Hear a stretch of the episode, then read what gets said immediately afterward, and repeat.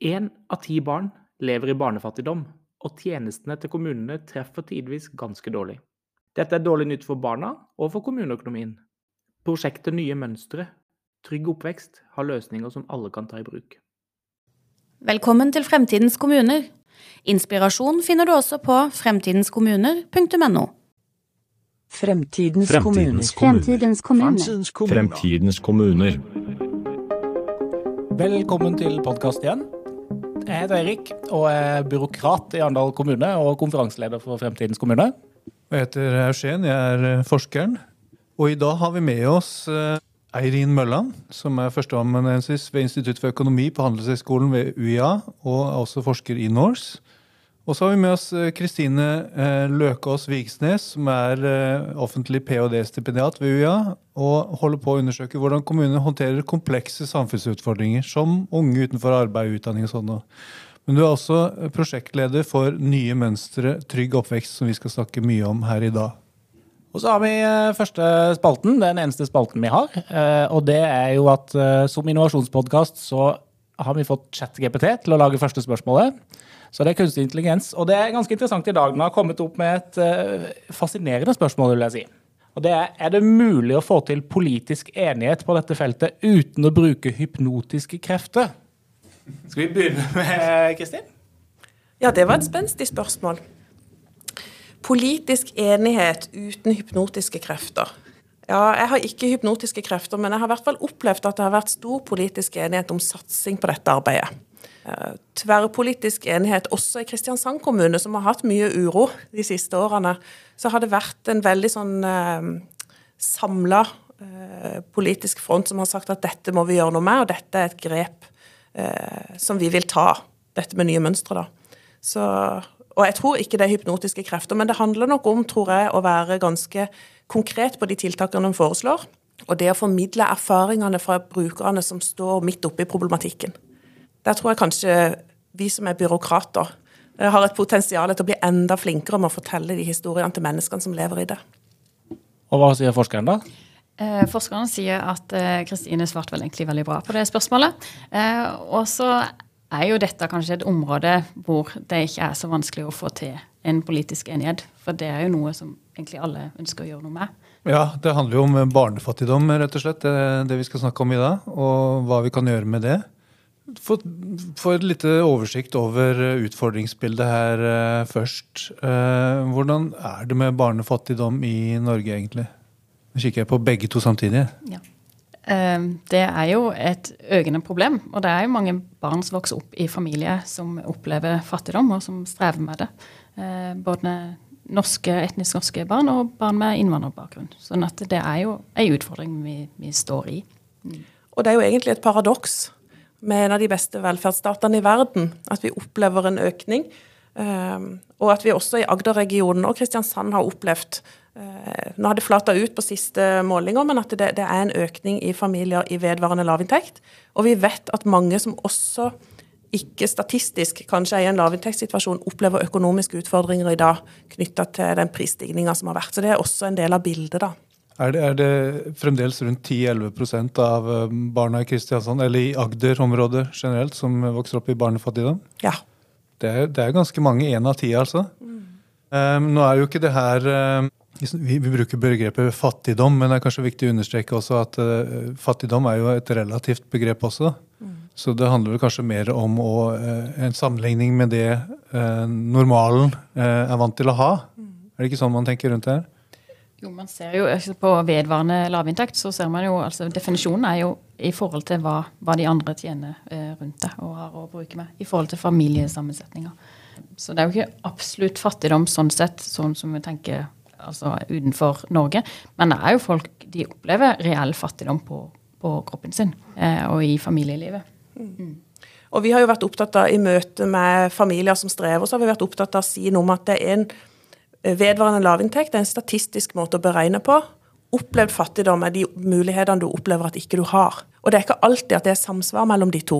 Du kan statistisk være i vedvarende lavinntekt og ikke oppleve det som fattigdom. Og du kan ha en såpass høy inntekt at du ikke er i vedvarende lavinntekt, men allikevel opplever fattigdom. Eh, Og mye av dette handler jo om at den måten vi beregner lavinntekt på, det er kun basert på inntekt. Og det har også et sånn politisk eh, slagside, fordi de tiltakene som ofte politikere har prioritert, gratis SFO, redusert foreldrebetaling i barnehage, dekning av fritidsaktivitet, de påvirker ikke inntekt, men de reduserer utgift. Ergo får familiene mer å rutte med, men det slår ikke ut på den statistikken, for vedvarende lavinntekt beregnes bare ut fra inntekt. Mm. Men det betyr jo ikke at ikke tiltakene virker, og at de politiske initiativene har effekt. Men vi kan ikke se det på den statistikken, vi kan se det på opplevelsen. Mm.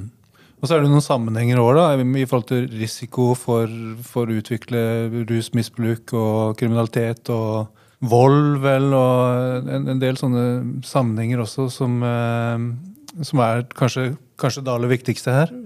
Og det vi har vært opptatt av i Nye mønstre-satsinga, er jo at mange av de familiene som strever, som både er i vedvarende lavinntekt og som opplever fattigdom, og har som komplekse og sammensatte behov, eh, der, opplever, der er det jo òg sånn at en del av de utfordringene går i arv mellom generasjoner. Og det er ikke fordi at eh, familiene er at det er noe galt med de, eller at de er dårlige folk, eller noen ting. Det er fordi at det er noen mekanismer som også er med på å forsterke.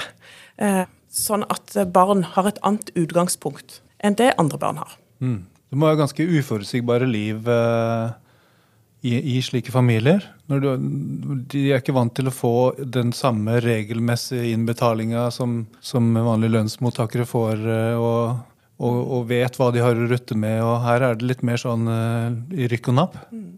Det er jo et av de viktigste funnene, og kanskje den største aha-opplevelsen for meg. Uh, jeg er utdanna sosionom og har jobba med sosialt arbeid i veldig mange år. Og jeg har ikke vært klar over hvor komplekst og sammensatt den økonomisida er for familiene som er avhengige av hjelp fra velferdssystemet knytta til økonomi. Det er veldig mange som får veldig mange utbetalinger i måneden, og de utbetalingene er ganske Eh, de kommer på ulike datoer, og ingen av de er store nok til å dekke husleia. Og noen av de blir også motregna hverandre. Sånn at det skaper jo en uforutsigbarhet i økonomien som er en stressfaktor i seg sjøl. Så ser vi at mange av familiene flytter, de har ustabile bosituasjoner. Enten fordi at de er på det private leiemarkedet, og det kan være ustabilt, eller fordi at de får midlertidige kontrakter på kommunale boliger. Og hvis de ikke har en fast inntekt, så er det vanskelig også å få lån og kjøpe en egen bolig som kunne skapt mer stabilitet. Hvor man òg kanskje egentlig kunne endt opp med å betale mindre i, og, nei, i avdrag og rente enn det du gjør på det private leiemarkedet. Mm. Så, det jo, ja, så, det er jo, noen mekanismer som er med på å skape, skape utenforskapet, egentlig, og holde, og holde der òg. Sånn som når økonomien da blir et, et lappeteppe, som vi Når du har en vanlig jobb, så så ja, får du den ene innbetalinga, og, det, og kan håndtere det deretter. Mm. Eh, så det er jo kanskje det er liksom på den der eh, sammensetninga av økonomien som er vanskelig. Eh, ja. Og For ungene så innebærer jo òg dette med knytta til bosituasjonen, da, som igjen henger sammen med økonomien.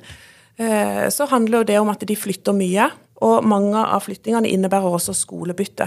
Og Da bytter du klassemiljø, og da bytter du voksne rundt deg, og da skaper det også en sånn en ustabilitet. da. Så, så, Det er jo et mål i seg selv i arbeidet i Nye mønstre. Det er jo at familiekoordinatorene hjelper familiene å stabilisere bosituasjonen. Ja, Da var vi, da var vi fremme ved det. Nye mønstre, trygg oppvekst etter dette, dette prosjektet.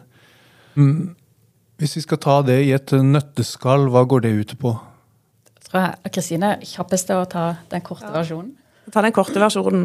Bakteppet er jo at eh, tidligere oppvekstdirektør og direktør for helse og mestring i Kristiansand kommune så at det var familier som fikk tjenester, eh, både fra Nav og helsesektor og fra oppvekstsektor, eh, som vi ikke klarte å hjelpe godt nok. Og De ønska å se på hvordan kan vi rigge tjenestene annerledes for å tilby tjenestene på en bedre måte. Nettopp, så det handler, det handler mer om å koordinere de tjenestene man allerede har, bedre, Nettopp. enn å liksom lage en helt ny tjeneste? Nettopp.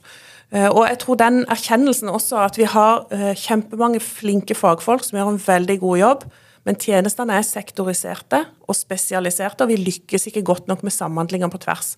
Dette er en systemutfordring. Og at vi la eh, tydelig fokus på at det er systemet vi skal jobbe med. Familiene eh, er, de skal få gode tjenester fra oss som gjør at de kommer videre. Og så eh, fikk vi prosjektmidler til å prøve ut en modell med familiekoordinator til familier som strever med lav inntekt, vedvarende lav inntekt og komplekse problemer. Og når vi sier komplekse problemer, så handler det om økonomi, det handler om sosiale forhold, bosituasjon, arbeidstilknytning, helse, både fysisk og psykisk. Altså, det er flere ting som gjør at verden og livet er litt komplekst. Så prøvde vi ut denne modellen og tok et initiativ eh, til forskningsmiljø, da med Eirin. Eh, hvordan kan vi så tidlig som mulig klare å rigge strukturer for å lære av denne satsinga? Eh, og da lagde vi sammen med de første familiekoordinatorene et forskningsprosjekt som skulle fange opp akkurat de tingene vi var opptatt av å lære noe av i dette. Så der, eh, Det har fulgt oss hele veien, og vi har fått finansiering fra Norges forskningsråd til å gjennomføre det, og er nå inne i siste året. Og Nye mønstre som prosjekt begynte i Kristiansand med to familiekoordinatorer. Så ble det en del av folkehelseprogrammet i Agder, hvor en rekke kommuner i Agder kobla seg på. Ble med i satsinga, og også Stavanger kommune. Eh, og nå er dette implementert i ordinær drift. Så nå er dette en modell som vi jobber etter i veldig mange Nav-kontor i Agder og i Stavanger. Til sammen så har 200 familier eh, vært, er med i prosjektet. Eh, og det er i overkant av 500 barn som også deltar i dette. For vi har et familieperspektiv på tjenesten. Familiekoordinator er koordinator for hele familien, både voksne og barn. Og de koordinerer inn mot hele hjelpeapparatet, både det kommunale, eh, det som måtte være i forhold til spesialisthelsetjeneste, og også opp mot frivillig sektor. Ja, sånn Helt konkret, hvordan, hvordan ser det der ut? Altså En familiekoordinator får et ansvar for en familie. Mm -hmm. Og så, hva skjer så? Familiekoordinatorene får en henvendelse fra en eller annen i hjelpeapparatet som er i en kontakt med en familie som ønsker hjelp på denne måten. Setter de i kontakt. Vi gjør en oppstartskartlegging som vi har utvikla i forskningsprosjekter sammen med familiekoordinatorene. Hvor vi gjør en uh, ordentlig kartlegging av økonomi, livssituasjon, bosituasjon, arbeidstilknytning, arbeidserfaring. På barna så spør vi om dette med fritidsaktivitet, hva er viktig for deg? Eh, hvor gammel var du når du begynte i barnehage? Går du på SFO? En rekke sånne spørsmål om situasjonen til de. Så jobber familiekoordinator og familien sammen ut ifra den kartlegginga. Lager de en familiens plan. Hva er det vi skal jobbe mot? Hva er viktigst for dere akkurat nå? Og veldig ofte så er det ikke det som kanskje familiekoordinator tenkte at var viktigst. Det er helt andre ting. Spør, når vi spør barn, så er det to ting. Det er det å feire bursdag, og så er det Eh, dette med å drive med fritidsaktivitet, og da er det det som de andre i klassen gjør. Mm. Det er veldig få barn som kommer med noe at de vil begynne med noe helt annet. Det er det som er mainstream i klassen de ønsker å være med på. Og da jobber de med det. Og da kan det være så konkret som at de følger de til de første treningene. Hjelper å skaffe en sykkel, sånn at de klarer å sykle fram og tilbake sjøl. Eh, de er i en dialog med foreldrene. Handler det om at de er, hvis det koker i hodet, du er så bekymra for du har ikke ved eller mat i kjøleskapet, ja, men da ordner vi det. Da er det der vi begynner der som problemene er. For de jobber jo sammen i fem år. Så vi har god tid til de store utfordringene. Og det er jo fascinerende. Vi hadde jo en tidligere episode også hvor vi snakka om eh, unge uføre utenfor eh, arbeidsliv, hvor dette med økonomisk trygghet er liksom fundamentet. Og det som du sier, det er om å rydde opp i det elementære. Og ofte så er det ikke de ekstravagante tinga som egentlig eh, trengs her. Så, så, på en måte så blir jeg jo litt uh, trist av at vi bommer såpass mye i kommunene med hva vi egentlig prøver å tilby. Uh, samtidig er det jo fint at noen løser det. Men, men hvorfor, vi, hvorfor, klarer vi ikke dette uten et sånt et prosjekt, tror du? Jeg tror vi klarer det uten et sånt et prosjekt. Men jeg tror vi har mye å hente på å jobbe systematisk og sette oss ordentlig inn i hvordan livssituasjonen til familien er. For veldig ofte så blir vi som tjenesteutøvere vi veldig Eh, vi har et oppdrag, og vi har noe, en tjeneste som vi skal levere. Og så er det ikke sikkert at den tjenesten treffer helt på det som er familiens behov akkurat nå. Og da klarer vi ikke helt å tilpasse det. Det er ikke dynamisk nok i hjelpeapparatet til at vi klarer å tenke at ja, men vi, vi venter en måneds tid, da. Og så lar vi dette med økonomien komme seg på plass, og så setter vi på. Vi pleier å bruke et bilde om at hvis vaskemaskinen står hjemme på kjøkkenet og lekker vann utover hele kjøkkengulvet, da går det faktisk ikke å sitte på helsestasjonen og få KOS-veiledning og foreldreveiledning. For det, det bare, du bare tenker på dette gulvet. Og sånn må vi jobbe. Men vi må sette oss ordentlig inn i det. Og vi ser jo det med kartleggingene. At familiekoordinatoren sier at dette er familier som har vært kjent av hjelpeapparatet i ti år, og ingen har visst disse tingene. Mm. Altså Når de gjør disse kartleggingene og faktisk oppdager f.eks. at det er ytelse som på en måte mangler, og man ser det jo når man setter seg ned og til, får overblikket. Og så er kanskje det som er forskjellen i dette prosjektet fra andre ting, hvordan tjenesten funker, altså at man faktisk er hjemme hos eh, familiekoordinator, er hjemme hos familien. ikke mm. sant?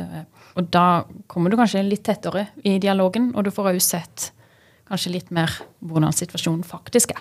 Men mange av de familiene der de har jo da masse erfaring med hjelpeapparatet fra før av, og kanskje litt skeptiske. Uh, I og med at de føler at ikke de nødvendigvis blir uh, hjulpet slik som de helst ville sett det. Uh, Hvordan, hvordan klarer familiekoordinatoren bygge tillit da uh, til disse familiene? Jeg tror det ene som handler om at de jobber hjemme hos deg, er veldig viktig også for tillitsbygging. Og det at du er gjest i noens hus. Det gjør noen med balansen med i gang.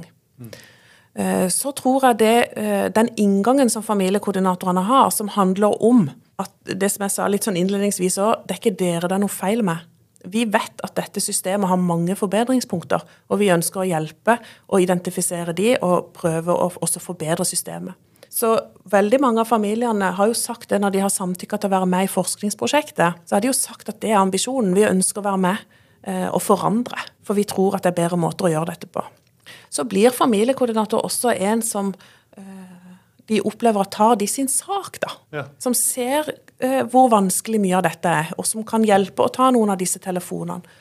Og nettopp derfor er også det med å kjøre ved eller eh, hjelpe med de praktiske tingene i begynnelsen veldig viktig for å bygge tillit. Det er interessant. det her For en god del år siden så gjorde jeg en studie her i voksenopplæringa. For å se på hvilke roller lærerne hadde overfor eh, deltakerne. Og da fant jeg ut at de hadde mye av den type roller som vi snakker om her. I praksis så har de det. De, de er med, de ringer rundt til kontorer, av og til er med de på kontorene. Eh, De hjelper de selvfølgelig å oversette brev og, og den type ting, men også rådgivning, og noen til og med ringte rundt og, og var en slags vekketjeneste for eh, ungdommene. Så, og, og, og den der losfunksjonen er ganske viktig her. Altså det, det å kunne manøvrere i den tjenestejungelen. Det ligner jo ganske mye på egentlig det som dere sier her, da. Så kanskje forskjellen her da er hele familiefokus, både, både med barn og voksne. Eh, sånn at når familiekoordinator ser jo foreldre, men òg snakker med barna og deres opplevelse av det. Mm. kan bistå dere. Men kanskje den største forskjellen her med dette prosjektet i forhold til ja, andre typer, da. Ja, og så er det, har dere gitt noen helt klare stillingsinstrukser, disse familiekoordinatorene. De, de skal gjøre det her.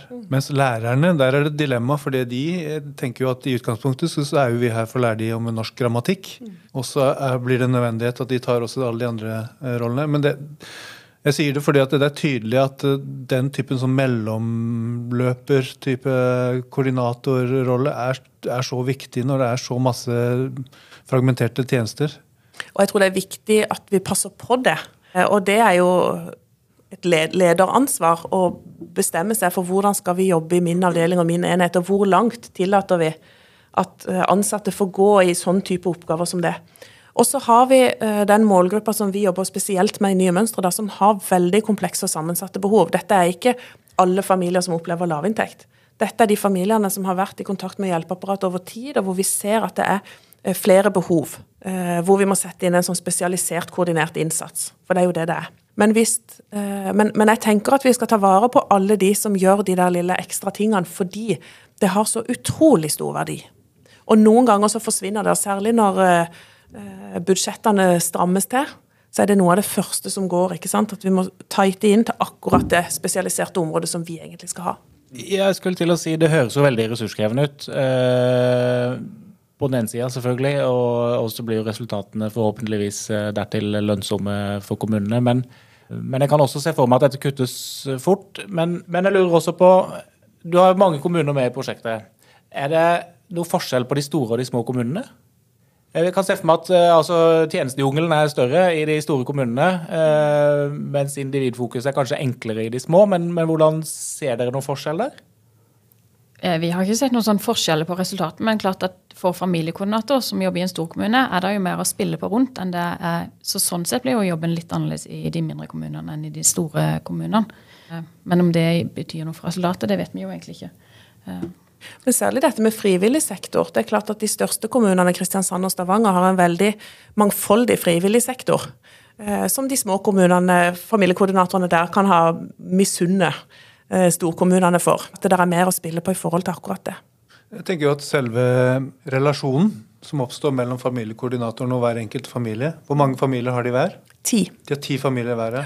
Så det er ca. 45 enkeltpersoner per familiekoordinator. Og Da vil jeg jo tippe at eh, det vil være litt forskjell eh, mellom hver familie. At noen får du en skikkelig god vibb med, mens andre kanskje ikke så, så mye. Eller kanskje du får en kjempegod relasjon til en enkeltindivider i den familien, mens, mens dårligere med andre og den type ting. Ser dere noe på liksom betydningen av relasjonen i, i helheten her?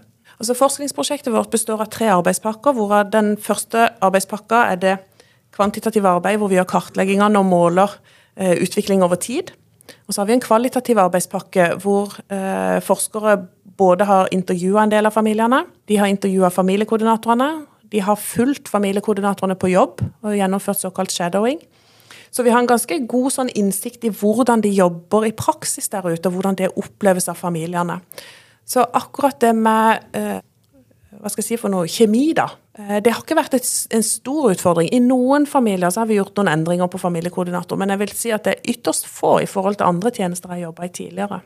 Og det er nok noe med dette veldig tydelige oppdraget på at vi jobber sammen med familiene på de sine premisser, ut fra de sine målformuleringer.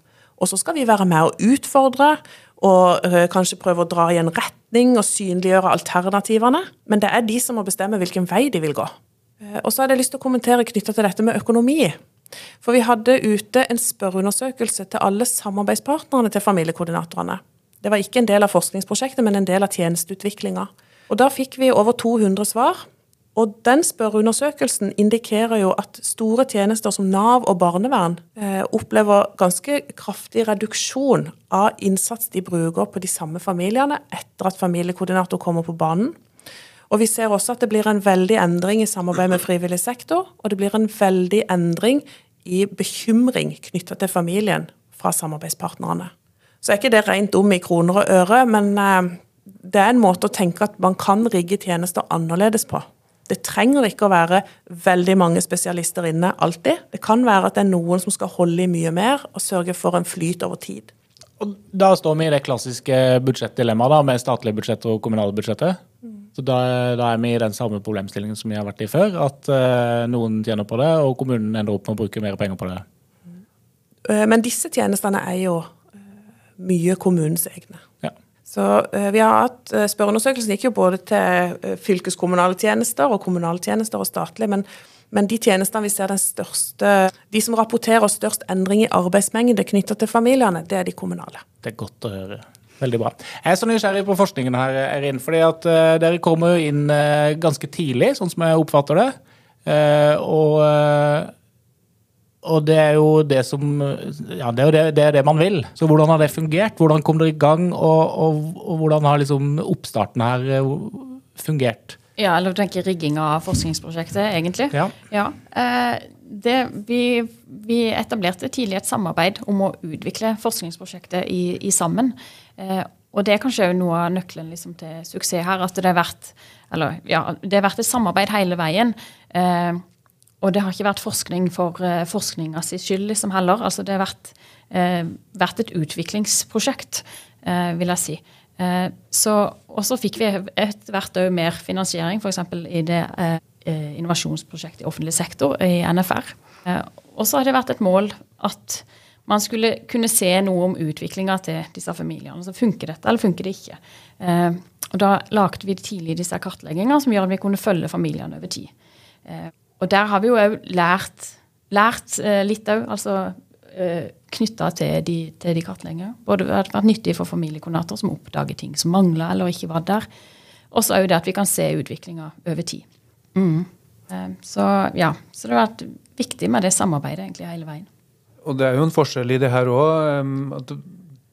Det er ikke bare en evaluering når alt er ferdig og det er egentlig for seint å gjøre noen ting med noen ting. Men dere, dere, skal tilføre kunnskap i prosjektet her underveis. Ja, absolutt. Og vært eh, sånn tilbakemelding òg fra, fra, fra, forskning og, og, det dere har hatt i møtepunktene underveis i prosjektet, det har vært viktig.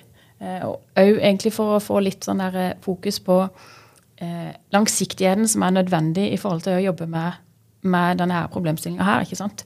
Det er ikke sånn at eh, familiekoordinator er inne i et par uker, og så er alle i jobb etterpå.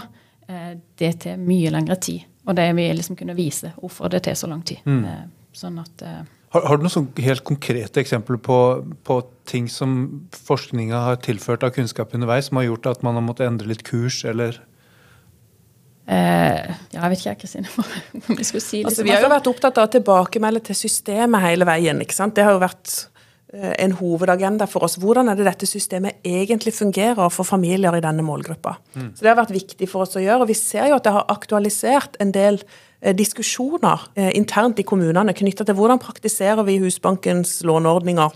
Hvorfor gjør vi det akkurat dette på den og den måten? Eh, Vi var ikke klar over at det skapte problemer sånn og sånn. Eh, Så det har vi vært opptatt av. Vi har vært opptatt av å formidle tilbake til familiene hva er det vi ser. Og bekrefte egentlig at det, dere bidrar med i dette forskningsprosjektet, det kommer til nytte. Så det har vi eh, prioritert. Og så har vi jo eh, altså Noen av de viktigste erfaringene tenker jeg handler om dette med hvor komplekst det økonomiske bildet er. Mye mer komplekst enn jeg hadde trodd. Eh, Og hvordan vi må jobbe systematisk for å ivareta barn og unges stemmer oppi dette. For veldig ofte så har vi som hjelpeapparat stort fokus på de problemene og utfordringene som de voksne opplever, men som barna også blir prega av, som preger de sin hverdag. Men vi er ikke noe gode på å fange det opp og faktisk eh, håndtere det ut fra de sitt ståsted. da. Så det tenker jeg òg at når vi har lavt kartleggingene og samarbeidet om det, så har det òg vært en måte å hente inn barn og unges stemme på veldig systematisk. Og barn og unge, de liker å bli spurt. Og de lir å bli satt uh, i stolen foran en og virkelig bli lytta til. Og det tenker jeg at det er en lærdom vi har uh, fått, at det gjør vi som hjelpeapparat altfor lite med barn og unge. Og så må det jo være en, eh, en ny måte å jobbe på for de som er familiekoordinator i rådet. Det er jo, jeg har skjønt at det har vært ganske populære, de stillingene. Mye søkere. Det har vært mye søkere til de stillingene. Absolutt. Og veldig mange av de eh, sosialarbeiderne spesielt som har eh, begynt å jobbe som familiekoordinator, sier at oh, endelig kan jeg jobbe liksom ordentlig sosialt arbeid. Jeg kan jobbe med, med alt. Eh, og at ikke det er spesialisert og begrensa enten på tid, to timer hver 14. dag i et halvt år, og så skal du ha løst problemene. Eh, eller at det på en måte er innsatsstyrt knytta til et spesifikt behov på ett familiemedlem, og så må du la alt det andre være. Så veldig mange opplever at den muligheten til å jobbe helhetlig Det er en krevende jobb. Det er en, alltid en risiko for å bli eh, helt utbrent av dette. Og samtidig så forteller de noe om at det gir energi, for de kan følge folk i mål. De kan følge folk lenge nok til at en faktisk ser noen endringer, og en lærer seg å verdsette de små eh, endringene som skjer underveis. Og samla sett så kan små endringer bli ganske store. Du, eh, Eirin, du var og presenterte noen av eh, litt om dette prosjektet her for eh, statsråd Monica Mæland på et eller annet tidspunkt. Hvordan ble det, hvordan ble det mottatt? Det er ganske lenge siden, Ja. er det ikke det? Ja. Ja. Jeg tror det egentlig blir sett på som interessant. Vi har jo egentlig presentert det for flere statsråder, egentlig, med hvordan, med hvordan det har vært rigga. og det.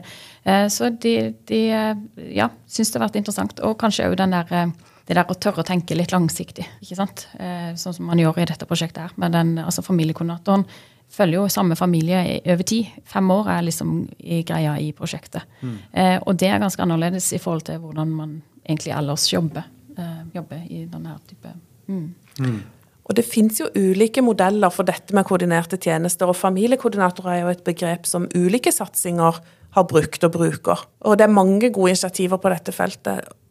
Det som jeg tror har vært veldig eh, spesielt med Nye mønstre, er at vi har løfta det perspektivet til barn, at det er familiekoordinator for barn. Du skal samarbeide med barn på barns premisser. Og også at vi har jobba veldig systematisk med implementering. For hvordan kommer vi fra at vi har et prosjekt med gode erfaringer, til at vi faktisk endrer praksis ute i ordinær drift? Og det står vi jo midt oppi nå. Eh, Men vi har jobba veldig systematisk med akkurat det. Og det tar meg jo da inn på hvordan eh, lar dette seg skalere til andre kommuner? Er det, er det praksiser her som det er lett å ta inn i andre kommuner? Ja, det vil jeg si. Men det krever jo en prioritering, og det krever en beslutning om at dette vil vi i vår kommune. Vi ser at det er mange nye kommuner som gjør det. Eh, flere kommuner i, som, nei, i Norge som er i dialog eh, med oss i forhold til hvordan kan vi ta en sånn modell i bruk, og som starter opp nå. Så eh, vi både deler erfaringer så mye vi kan, og har eh, en konferanse i november hvert år som vi deler erfaringene fra nye mønsterarbeidet. Og hvor vi også tilbyr en sånn type implementeringsworkshop. Altså hvilke steg, basert på våre erfaringer, hvilke steg og beslutninger er det der man prøve å få på plass? Hvem er det som skal ha hvilke roller når det skal videre? For jeg har lite tro på at det å peke på tjenesteutøverne i ytterste ledd og si at dere skal endre praksis, at det fører til varige endringer hvis ikke en jobber systematisk på alle nivåer i organisasjonen. og systematikken her er jo veldig sånn gjennomgående i hele prosjektet, virker det som. Og det, det tar meg jo også over til forskningen. Hva, hva bør kommunene gjøre for å få forskningen inn på denne måten? For at dette tilfører jo kommunene noe på en helt spesiell måte.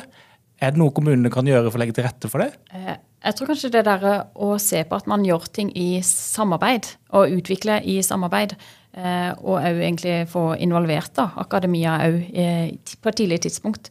Eh, sånn at det ikke blir sånn at akademia sitter på sitt kontor og finner spørsmålene, men at man ser på det sammen, faktisk.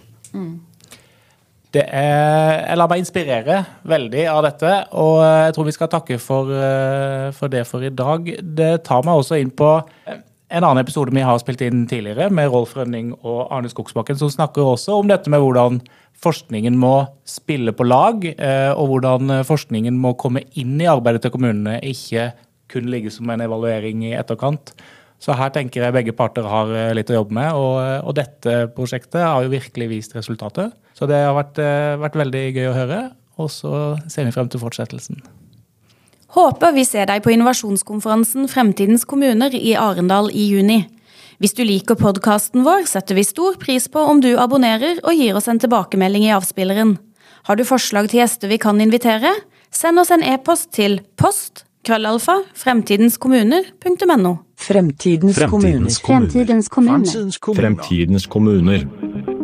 Denne podkasten er et samarbeid mellom INNOF, Nasjonalt forskernettverk for innovasjon i offentlig sektor, Senter for praksisnær forskning og samskaping i NORSE og innovasjonskonferansen Fremtidens kommuner.